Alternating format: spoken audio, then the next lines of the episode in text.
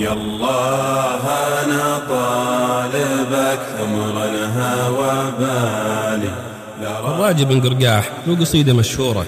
إحنا نسمع باللوحات الشعبية بالراد ولا من وصار به سباق هجن يصور أمنيات أي رجل كان يعيش بعصره تمنى الذلول خاصة يعني اختار الحمرة من الإبل.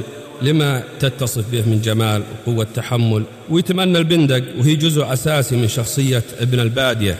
فأصبحت هذه القصيدة يعني من عيون تراثنا الجميل. يا الله أنا طالبك ثمرا وبالي لروح الجيش طفاح جنايبها. ونروح الجيش حاديها شهاب اللاري لهي تورد وسع صدر راتبها. اللي على كورها واللي بالحبالي واللي على المرد فهو اللي يبغى لروحت مع سباريت الخال الخالي. تنادي يا باه تنهش من جنايبها. يا الله أنا طالبك عمرنا وبالي لروح الجيش طفاح جنايبها. ونروح الجيش حاجيها شهاب الليالي لهي تورد وسع صدر راتبها.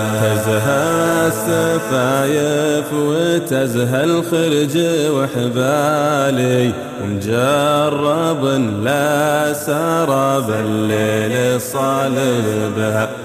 حيا الطويلة وحيا اللي شرهاني من واحد جابها للسوق جالبها يا أنا طالبك عمرنا وبالي لروح الجيش طفاح جنايبها.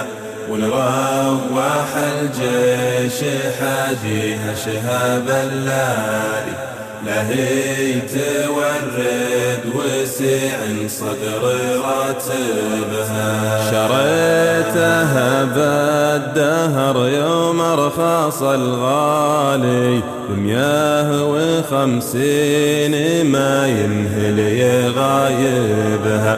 حديدها وأذكر الله تناه ريالي سنا الحياة يا تلوى في مقاضبها يا أنا طالبك عمرنا وبالي. لروح الجيش طفاح جنايبها. ونروح الجيش حاجيها شهاب الليالي لهي تورد وسع صدر راتبها.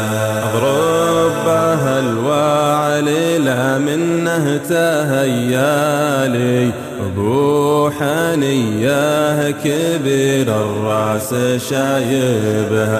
لثار بارودها متالي منها الريايا مقطعة النشايبها يا الله أنا طالبك عمرنا وبالي. لروح الجيش طفاح جنايبها ونروح الجيش حاجيها شهاب الليالي لهي تورد وسع صدر راتبها وليالفونا من المقناص زعالي احد مدح بندقه وحد يعذر بها. بشرتهم بالعشا من عقب مقيالي.